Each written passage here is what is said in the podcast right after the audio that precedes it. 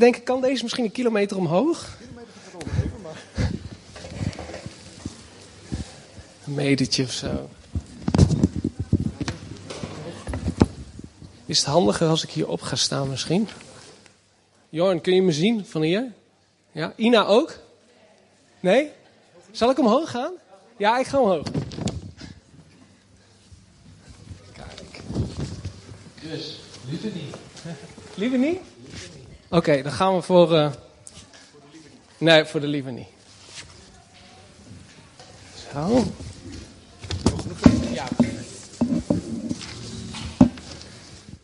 We zongen toen straks een lied. What a, what a wonderful name it is, als dat een goede titel is. En toen ik daar zat, eh, toen moest ik denken ehm, aan die keer dat ik in Jeruzalem was, in ook een gemeente. En daar zongen ze precies hetzelfde lied. En ik moest denken aan die keer dat ik in Los Angeles was, ook in een gemeente. En ook daar zongen ze dat lied.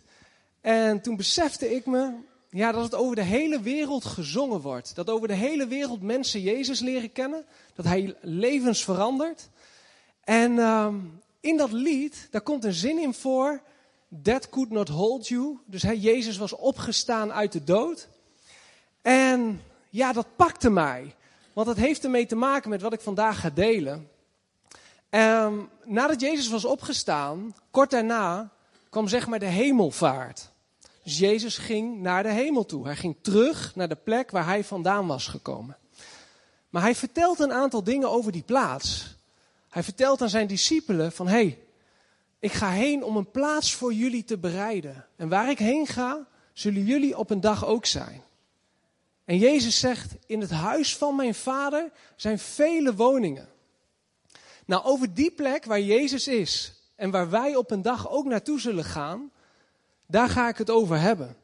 En er zijn vaak vragen over, in de zin van, oké, stel je bent een geliefde kwijtgeraakt, of misschien een kind, of ja, je opa of oma, zie ik die ooit nog terug? Wat gebeurt er als het moment daar komt dat het mijn tijd is om te gaan? En het kan een gevoelig onderwerp zijn, hè, als je misschien onlangs iemand verloren bent. Maar het kan ook heel bemoedigend zijn. En dan beginnen we bij Jezus, die bij het meer van Galilea is. En hij doet allemaal wonderen. En hij voedt allemaal mensen. En dan gaat hij de mensen vertellen over zijn vader en over het koninkrijk. En dan vertelt Jezus, hij zegt, ik ben gezonden door de vader. En ik ben het brood dat is neergedaald. En als je van mij eet, dan heb je eeuwig leven. Maar ja, er waren natuurlijk ook mensen, ja, die begrepen niet wat hij zei. Dus Jezus ging door met zijn verhaal. En dan lees je op een gegeven moment dat ook mensen van hem weggingen. Het was misschien te moeilijk te begrijpen voor hen. En vervolgens vraagt Jezus aan zijn discipelen, zijn twaalf discipelen, maar willen jullie ook niet van mij weggaan? En dan zegt Petrus dit. Hij zegt, heren, tot wie zullen wij gaan? U heeft woorden van eeuwig leven. En wij hebben erkend en geloofd dat gij de heilige God zijt. Dus de discipelen wilden niet weg bij Jezus, want hij had woorden van eeuwig leven. Nou, wat is de belangrijkste tekst uit de Bijbel? Edward. Bam. Als je die vraag stelt, zeg maar, dan komt die tekst het meest naar voren. En ik ben het er helemaal mee eens. Dat is echt de bekendste tekst van de Bijbel. Er was een man die antwoordde een keer op deze vraag. Hij zegt, nou, het antwoord daarop is Genesis 1 vers 1. Want in de beginnen schiep God de hemel en de aarde. En als je dat gelooft, dan kan alles. Dan kun je geloven dat ja, de Rode Zee ging splijten in tweeën. Dan kun je geloven dat Jezus over water wandelde.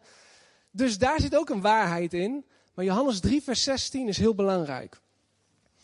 Want al zo lief had God de wereld gehad, dat hij zijn enige geboren zoon gegeven heeft, omdat een ieder die in hem gelooft niet verloren gaat, maar eeuwig leven heeft. En de Bijbel spreekt daar meer over. In Johannes 10, vers 28 zegt Jezus, ik geef hun eeuwig leven. En zij zullen voorzeker niet verloren gaan in de eeuwigheid. En dan gaat het verder in 1 Johannes 5, vers 11.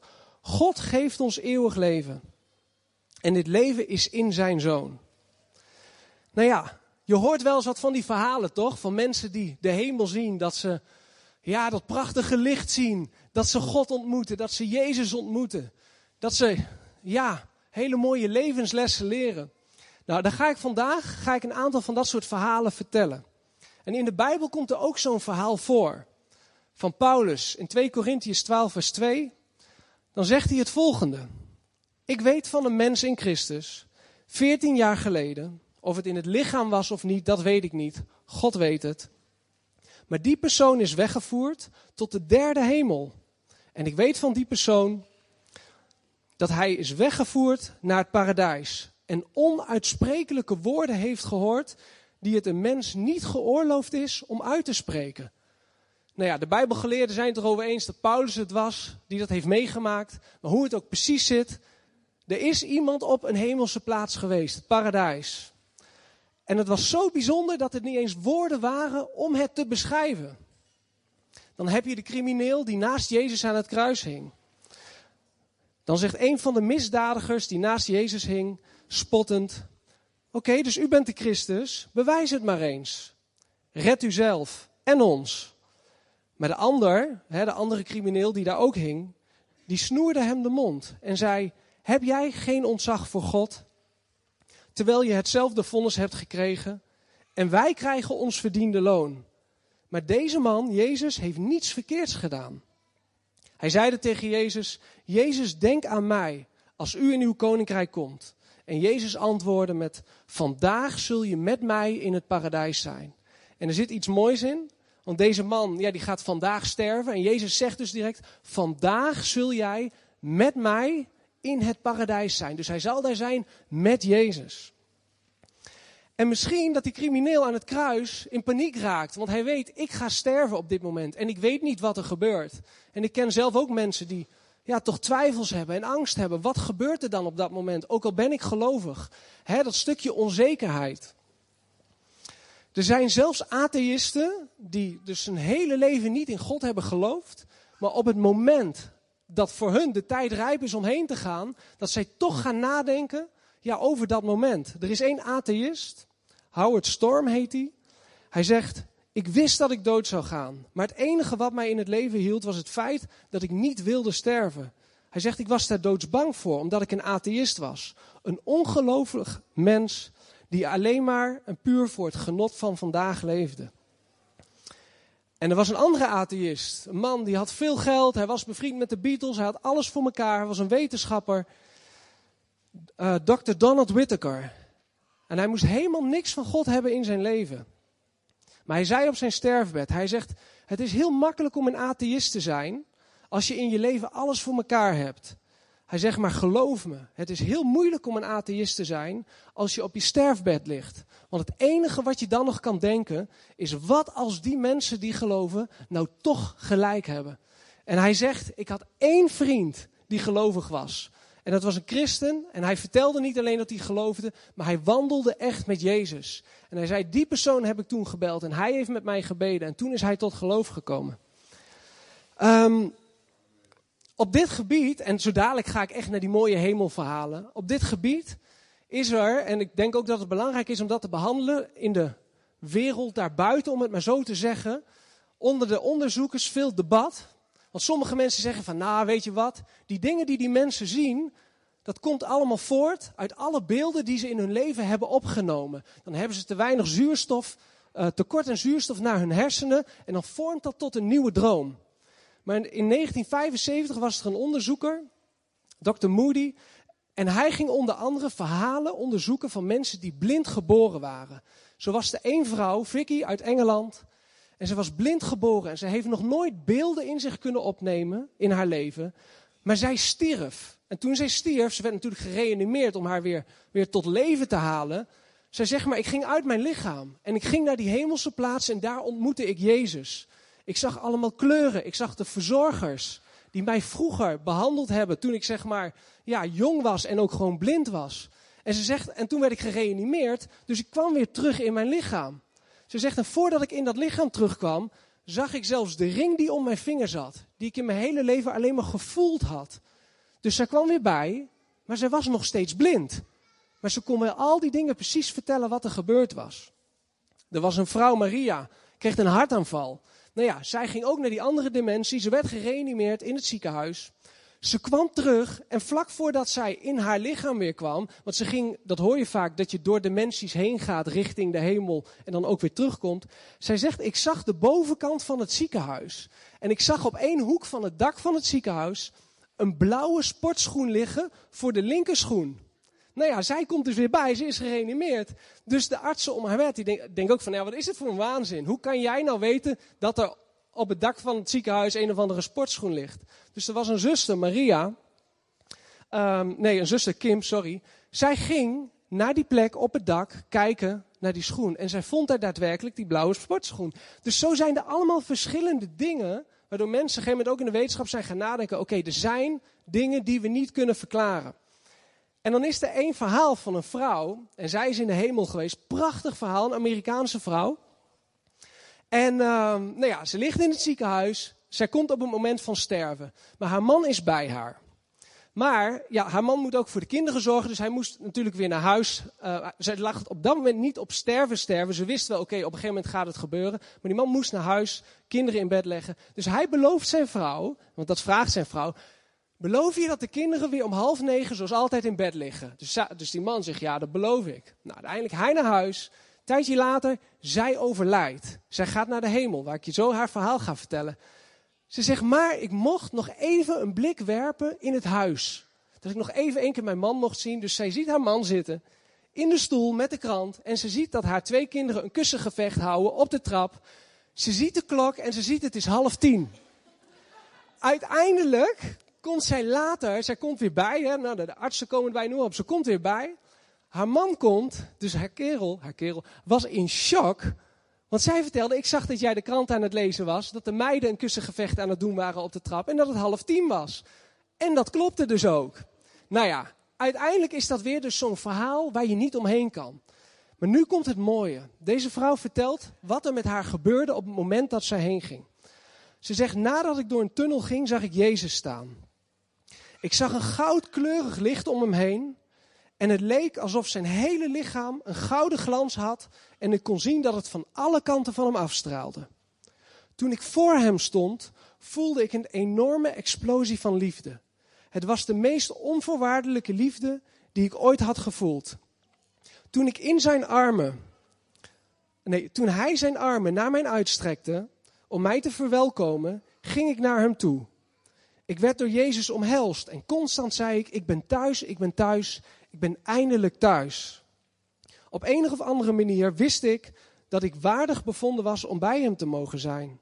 Ik wist dat hij al mijn fouten kende, maar dat die op dat moment niet belangrijk waren omdat hij die vergeven had. Jezus was de liefde zelf en zijn liefde vulde mij met een alles overheersende vreugde. Tijdens mijn leven op aarde had ik de dood verkeerd geïnterpreteerd. Het graf was nooit bestemd geweest voor de geest, maar alleen voor het lichaam. En dan leert ze allerlei levenslessen. Ze zegt, in de hemel leerde ik dat alles wat we doen om liefde te tonen aan de medemens de moeite waard is. Een glimlach, een bemoedigend woord of een kleine opoffering. Door die daden ontwikkelen we onszelf. Ik leerde dat we onze vijanden moeten liefhebben en dat we woede, haat, jaloezie, verbittering en de weigering om te vergeven moeten loslaten. Die dingen verwoesten de mens. Wanneer we sterven zullen we rekenschap moeten afleggen voor de wijze waarop we onze medemens hebben behandeld. En ik zag dat al onze goede daden en vriendelijke woorden ons in dit leven, uh, in dit leven hierna honderdvoudig zullen belonen.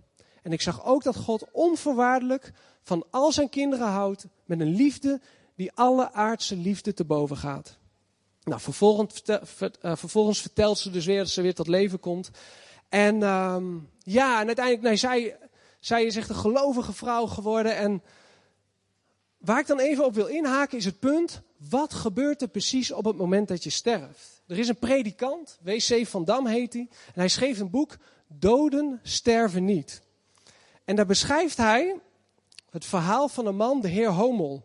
En hij zegt, op zijn sterfbed kon hij nog een paar woorden vertellen. Hij zegt, ik zie de hemel geopend en ik zie Jezus staan met zijn armen open die op mij wacht. Een andere man, een 38-jarige man, die vlak voordat hij stierf, kon hij ook nog een paar woorden zeggen. En hij zei, wat een stralende zonneschijn is er om me heen uitgespreid. Ik heb geen woorden om het te beschrijven.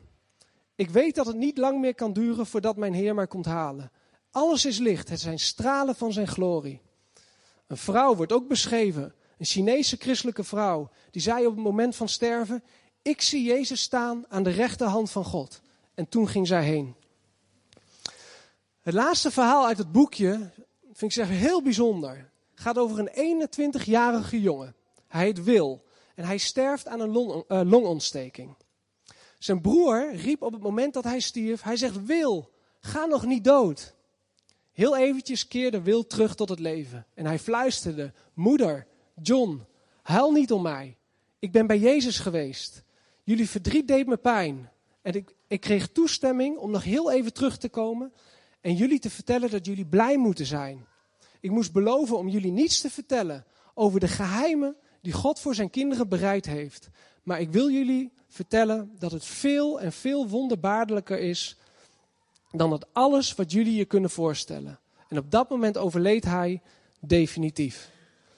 En dan gaan we even naar een, uh, een videootje kijken, als ze er daar klaar voor zijn. Van een uh, aantal mensen. En wellicht komen er nog een paar bekenden voor jullie in voor. Dat is een verrassing. Gelooft u in leven na de dood? Ja, Gelooft u in God? ook. Dat is moeilijk. dat zou ik niet weten. Jawel, Gelooft u in God? tuurlijk. Leven na de dood? Nee. Daar gelooft u niet in? Wat denkt u? Eh, ik heb geen idee. Of ik daarin geloof? Daar moet ik even over nadenken hoor. toch altijd zwart-wit. Ik zeg altijd maar van eh, dood is dood en dat is het. En als ik wel eens iets hoor of zo, of, of je zag wel eens op televisie wat ze dan verfilmen van eh, een soort van eh, hemel. Dat iemand doodgaat en de, dat hij zo de hemel inloopt. Ja, daar maakte ik altijd eh, kwetsende opmerkingen over. Ik, ik, ik zat altijd iemand. Ik had altijd mijn oordeel er wel over klaar. En, eh, dan ga je er toch iets anders tegenover staan. En dan denk ik van ja. Hé? Stel dat het wel zo is. En dan overkomt het jezelf. Ja, dat ken je niet. Wat ik gezien heb, dat bestaat niet. Nou, ik ben in eh, het jaar 2000 heel erg ziek geweest. Lekkende aorta. Was het gebeurd? Het was ik op slag dood. Toen was het, het was in Zaandam. Ik was bij visite bij mijn neef, Henk Groot, de bekende voetballer van Ajax nog. En toen ik bijkwam, toen wist ik dat te vertellen. En hoe is dat de hemel? Dat is prachtig. Niemand hoeft meer bang te zijn dat het niet bestaat. Het bestaat echt hoor. Het is toch best bijzonder dat u dat overkomen is. Ja, maar ja, er zijn er nog wel meer die dat gehad hebben. In het huis mijns vaders zijn vele woningen, zegt Jezus. Hoi, ik ben Hasmik en dit is mijn verhaal. Ik moest geopereerd worden. Toen was ik weg. Ehm, ik merkte niks. De eerste paar minuten gebeurde helemaal niks. Maar na één zoom, weet je wel hoe dat... Het was niet echt dat ik echt tunnels zag en dat ik heel langzaam daarheen ging. Op een gegeven moment zag ik helemaal licht en ik zag echt iemand naar mij kijken. Dus ik keek de richting op en ik zag... Ik heb Jezus gezien. Echt, ik heb het gewoon... Ik heb hem gezien. En het was niet zo ehm, dat je als mens naar hem kon kijken, maar eigenlijk meer het witte ja, kleding wat hij droeg, zo hele lange. En een straalde licht uit, helemaal. Ook zijn gezicht was. Ik wist dat dat Jezus was, maar zijn gezicht straalde van licht uit. En ook omheen, alles was licht. En hij stond met één hand zo en één hand zo. Ik, ik, ik ervaarde dit van, ik ben welkom, maar het is, nu je, het is nu je tijd niet. Ik heb een oma, die is klinisch dood geweest, zo heet dat, omdat zij een hartstilstand had. Toen ik een jaar of 10, 11 was, ehm, ben ik door het ijs gezakt in mijn geboortedorp. Half acht in de ochtend, tussen sluimeren en wakker worden, voelde ik ineens dat ik opgenomen werd. Gedragen werd als het ware. En voelde ik echt dat ik gedragen werd en binnengebracht werd in een geweldig gouden ja, gebouw. Het was echt helemaal van goud.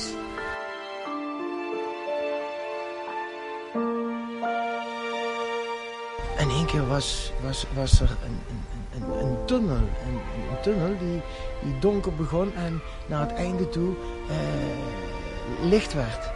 En het eind van die tunnel, eh, ja, toen, toen, toen, toen was er groot licht. Ik moest zelfs mijn, mijn arm voor mijn gezicht doen. Zo schitterend was dat licht. Ja, en jullie zullen denken van, ja, dat verhaal kennen we, maar het is me echt overkomen. En aan het eind van die tunnel, in dat licht, was er een deur, een poort, die op een kier stond. En die mocht ik naar binnen, eh, daar mocht ik naar binnen gaan. En ja, jullie kunnen het geloven of niet, maar het is wel zo. Ik, eh, ik, zag, eh, ik zag de Heer onder mijn arm op de troon zitten, met Jezus ernaast. En het gevoel wat me toen overviel was gewoon dat alles goed was. Geen zorgen meer.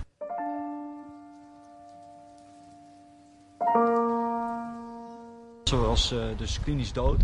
Maar het was heel wonderbaarlijk, want toen zij weer uh, tot leven kwam, toen was zij nooit meer bang voor de dood. Zij heeft mij verteld dat zij een grote tafel zag en een gigantische goede sfeer en licht. En er zaten allemaal mensen, maar één iemand herkende ze, dat was haar lievelingsbroer. Ik dacht dat hij chef heette en die zei, voor mij is het te laat, maar voor jou niet Trien, jij gaat uh, terug. Ja, en toen kwam ze eigenlijk weer bij kennis. En sindsdien ja, getuigt ze daarvan en getuigt ze dat ze niet meer bang is van de dood.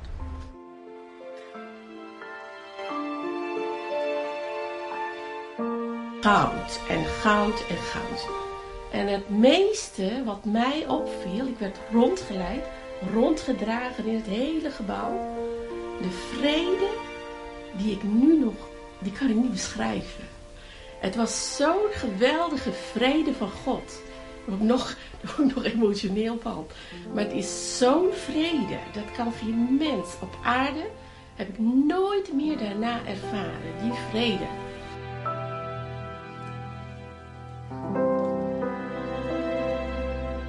dat ik teruggebracht werd naar mijn bed als het ware. Weer teruggebracht werd door een...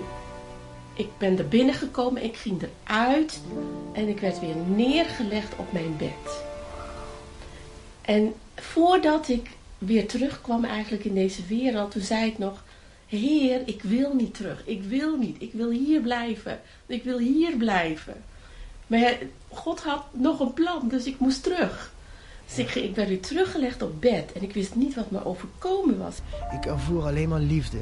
En, en daarom wilde ik ook niet terug. Ik wilde niet weg van die plek. Totdat God zei, ja jongen, je zult toch terug moeten. Want je hebt nog wat te doen op aarde. En ik zag mezelf dus weer door diezelfde poort naar buiten wandelen. Nadat ik nog eens achterom keek. En ik zag alleen maar licht en, en, en, en miljoenen mensen eigenlijk. Lichtende mensen achter die troon. Maar ik moest terug. Ik ging terug. En toen keek ik naar een groot figuur die voor me stond. En dat was volgens mij Petrus, want hij had de sleutels, de sleutelbos naast zich hangen. En Petrus zei nog, ja jongen, je moet toch terug. Oké. En eigenlijk ging ik diezelfde weg gewoon weer terug. En in één keer lag ik eh, naast, naast dat ijs op grond. En mijn vriendjes over me heen gebogen. Die mij het roepen waren. En ja, ik was er weer. Ik was weer op aarde. En dit verhaal, dit heb ik eigenlijk nooit durven te vertellen. Zo ongelooflijk is het eigenlijk.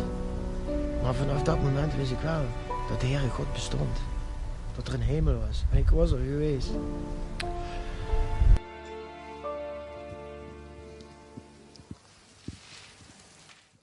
Mijn vader was een hele gelovige man. Altijd heel druk geweest in de kerk en met de kerk en met God vooral. En het moment dat hij stierf, toen uh, zag ik, toen het, het ziekenhuiskamer binnenkwam, dat hij echt volledig gericht was op God. En alles eromheen, dat was er eigenlijk niet. En uh, uh, het duurde best wel lang. We moesten heel lang wachten. We hebben heel veel psalmen gezongen en gelezen uit de Bijbel. Dat was wat hij heel graag wilde. Psalm 24, vers 7. Toen hij heen ging, toen uh, blies hij zijn laatste adem uit. En toen uh, zag ik van zijn tenen tot aan zijn kruin, zag ik dat er een, een goud, de gouden gloed over zijn lichaam kwam. En dat verdween dus ook weer via zijn kruin. En toen wist ik zeker dat hij bij de Heer was.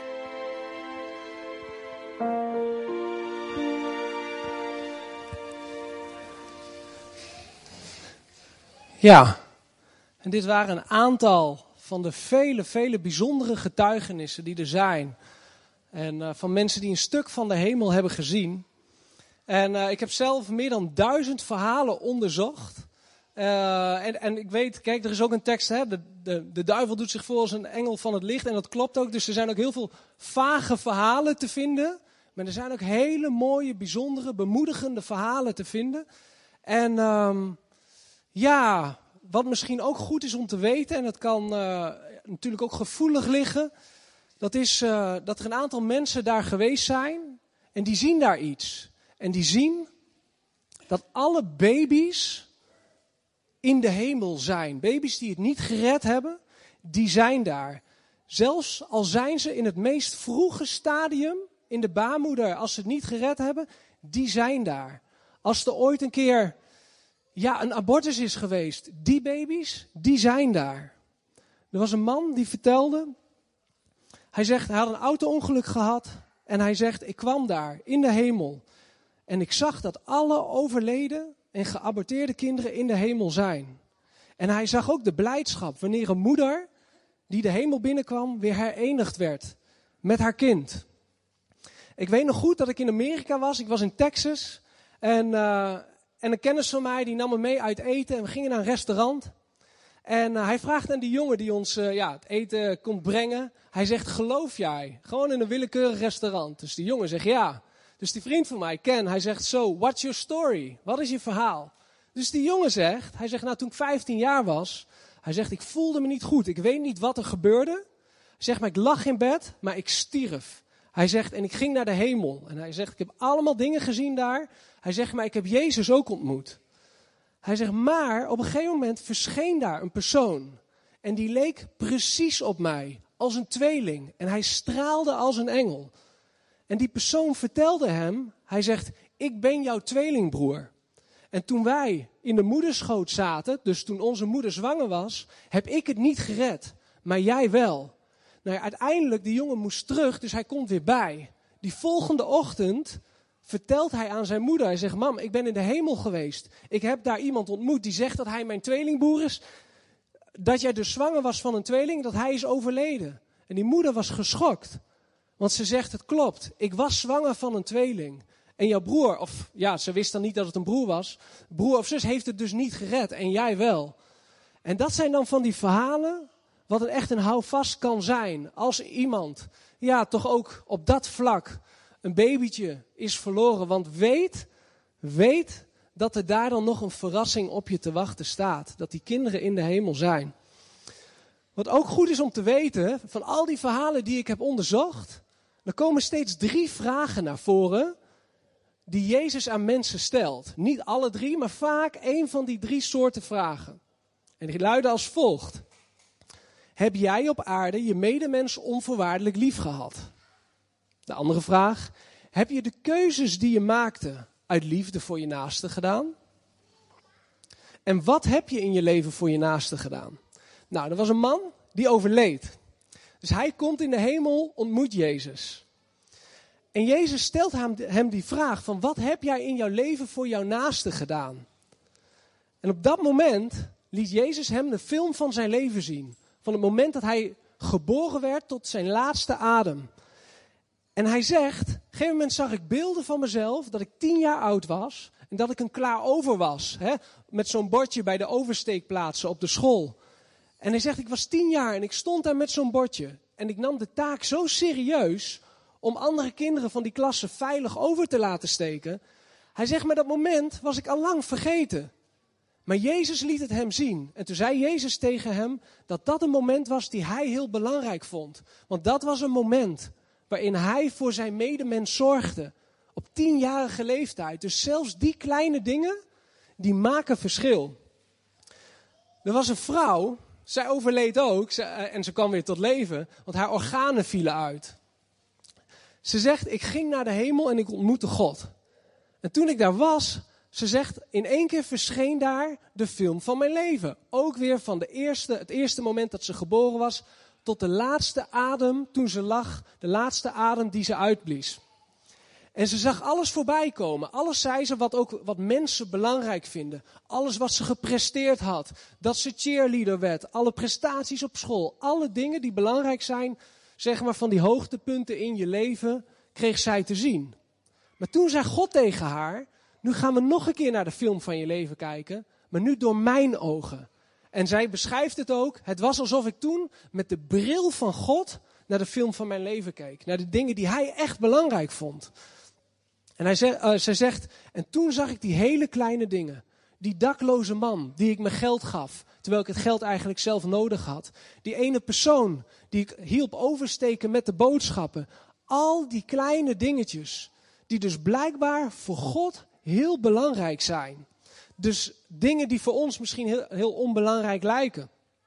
En het laatste wat zij meekreeg, was dat Jezus tegen haar zei dat we allemaal een gave en een talent hebben gekregen, of een eigenschap, waarbij we Gods koninkrijk en de medemens mogen dienen op aarde. En ja, ook wij hebben natuurlijk allemaal zo'n ja, mooi talent, een gave of een eigenschap meegekregen. En dan mag je over nadenken wat dat voor jou is. Wat jij mag gebruiken voor jouw medemens en voor Gods koninkrijk. En um, ja, en dit doet mij soms ook wel denken aan, oké, hoe zou de film van mijn eigen leven eruit zien? Als ik daar nou kom en de, de film van het leven van Chris Karelsen begint. Kun je ook zelf voor jezelf eens even over nadenken. Hoe zou je willen dat die, dat, dat, ja, dat die film eruit ziet? Zou je willen dat je alles te zien krijgt wat je in je leven hebt gedaan? Of zou je denken van, nou heer, als u die film gaat editen, knip er maar een paar stukken uit. Maar weet je wat mooi is? De dingen die minder goed zijn gegaan in je leven, de fouten die je hebt gemaakt, de stommiteiten die je misschien hebt begaan. Weet je, er is vergeving voor alles. Er is vergeving voor alles wat je hebt gedaan. En uh, ja, dus dat is uh, denk ik voor heel veel mensen geruststellend. Um, er is nog een man, Richard Sigmund. Hij kreeg een auto-ongeluk. Ik heb zijn boek hier, My Time in Heaven. Hij kreeg een auto-ongeluk. En hij zegt, ik kon me niet eens herinneren wat er gebeurde. Hij zegt, die auto's knalden op elkaar. Hij zegt, maar ik werd al naar de hemel gedragen. Ik voelde niet eens pijn. Hij zegt, ik kwam de hemel binnen en daar wachtte een engel op mij. En die engel vertelde hem, jij hebt een afspraak met God. Jij hebt een ontmoeting met God. Nou, voordat hij zeg maar naar Gods troon ging en hij beschrijft het echt tot in detail. Het is het meest bijzondere en gedetailleerde boek wat ik ooit heb gelezen over de hemel. En hij zegt, hij kreeg een rondleiding door de hemel. En uh, ja, en hij beschrijft ook dat alles volmaakt is. Er is geen pijn, er is geen verdriet. Alles is volmaakt. En um, nou ja, vervolgens zegt hij dus ook, hij zegt, ik zag dat er voor iedereen een welkomstcomité is. Dus stel, ja, jouw geliefden die zijn op die plek, hè, ook medegelovigen die zijn op die plek. En die krijgen dan te horen van nou, het is zijn tijd om te gaan. Dus zij krijgen te horen op het moment dus dat er een geliefde van hun naar de hemel komt. Dus dan heb je een welkomstcomité die speciaal op jou wacht om jou te verwelkomen. En uh, het, het mooie was, zeg maar aan dit verhaal, kijk die man kwam na acht uur kwam die weer bij. Hè? Hij lag in het ziekenhuis. Auto-ongeluk gebeurde dus op de weg. Maar toen hij bijkwam, lag hij in een ziekenhuisbed. Want hij vertelt ook, toen ik naar de hemel ging, hij zegt, ik hoorde in de verte alleen nog een ambulance. Maar hij wordt wakker. Hij doet zijn ogen open, maar er ligt dus een laken over hem heen. Dus hij hoort een stem, blijkbaar van een van die zusters, en die zegt, ach, die man is al acht uur dood. Het is tijd om te gaan inbalsemen. Dus hij gaat rechtop zitten en hij zegt, ik ben niet dood. Dus van schrik plast daar een van die vrouwen, die plast in de broek. Want ze is helemaal in shock dat die man na acht uur dood geweest te zijn, dat hij dus weer wakker wordt. Dus het is echt een wonder. En dan vind ik het prachtig dat zo'n man zijn leven toewijdt aan de Heer. En hij schrijft er dan een boek over. Ik weet nog goed dat ik um, op een verjaardag was. En er waren ook veel vrienden die verder ook niet geloofden. En die vertelde ik over een andere man, een voorganger die de hemel had gezien. En hij zegt van ja, die mensen, hij heeft een boek geschreven, dat doen ze allemaal voor het geld en noem maar op. Toen heb ik hem een vraag gesteld. Van zie je het voor je, dat jij rond gaat bezuinen. Hé, hey, uh, ik ben in de hemel geweest. Het eerste wat er gebeurt, ja, mensen gaan je toch voor gek verklaren. Dat zeggen zij ook. Ik durfde er niet over te praten. Ik was bang om voor gek uh, verklaard te worden. Maar dat dan zo'n man zijn leven toewijdt om die boodschap te brengen. En ja, dat vind ik dan mooi van die mensen die daar geweest zijn. Die krijgen een opdracht mee van God. En de opdracht luidt, er was één vrouw die vroeg aan Jezus. Ze zegt, ik heb haar ontmoet. Ze komt uit Californië, maar we waren in Israël. En we waren in de lobby van het hotel. En we raakten gewoon aan de praat over, over het geloof. En ze zegt, ik lag een week in het ziekenhuis. Ze zegt, maar ik kwam weer thuis, maar ik voelde me niet goed. Ik werd misselijk en het werd ineens zwart voor mijn ogen. Ze zegt, ik viel neer en ik zag zo mezelf liggen. Ik zag zo mijn moeder binnenkomen, huilen, bidden, schreeuwen. Ik zag het zo allemaal gebeuren. Ze zegt, maar in een knip in de vingers was ik in de hemel. En ik stond face to face met Jezus. En de liefde die uit zijn ogen straalde was onvoorwaardelijke liefde. En toen zei Jezus tegen haar: Het is je tijd nog niet. Je hebt nog een taak op aarde. En dat is één: de mensen vertellen dat ik echt ben. En twee: de mensen te vertellen dat de hemel echt bestaat. Er was een andere vrouw. En die vroeg aan Jezus. Dus zij wilde ook in de hemel blijven. En ze vroeg aan Jezus: van, ja, Mag ik hier blijven? En toen zei Jezus het volgende tegen haar: Ik weet dat je wilt blijven. Maar heb jij hier op aarde wel eens iemand zo onvoorwaardelijk lief gehad. Op de manier hoe ik jou hier zo onvoorwaardelijk lief heb. En de vrouw vertelde aan Jezus dat ze dat nog nooit had gedaan. En besloot toen om terug te gaan. Om dus ook te leren hoe je je medemens onvoorwaardelijk lief kan hebben. En uh, ja, om eigenlijk zo dadelijk te eindigen met waar ik begonnen ben. Kijk, die discipelen wilden bij Jezus blijven, want Jezus had, had woorden van eeuwig leven. Dus ook aan ons is het zeg maar de vrijheid. Hij laat ons vrij te kiezen voor Jezus of niet. Om dicht bij Hem te leven of niet. En misschien ben je hier vandaag voor het eerst en is de vraag aan jou: van wil jij met Jezus leven? Wil jij Hem leren kennen? Wil jij bij die man horen ja, die voor jouw zonde is gestorven en die ook dat eeuwige leven belooft. Want al, al zo lief heeft God de wereld gehad, dat hij zijn enige geboren zoon gegeven heeft, opdat een ieder die in hem gelooft niet verloren gaat, maar eeuwig leven heeft. En net als Richard Sigmund, die vertelt wat dat hij een, een ontmoeting had, een afspraak had met God. Zo hebben ook wij allemaal op een dag een afspraak met God in de hemel, dat we hem gaan ontmoeten. En ja, hoe geweldig het ook is. Want er zijn echt rijen met boeken. Hoe prachtig de hemel eh, is. Wat er allemaal te doen is. Wie er allemaal zijn. En hoe geweldig het is. Het allermooiste wat er is. Is dat je jouw maker gaat ontmoeten. Dat je net als Genesis 1 vers 1 beschrijft. Dat je degene gaat ontmoeten.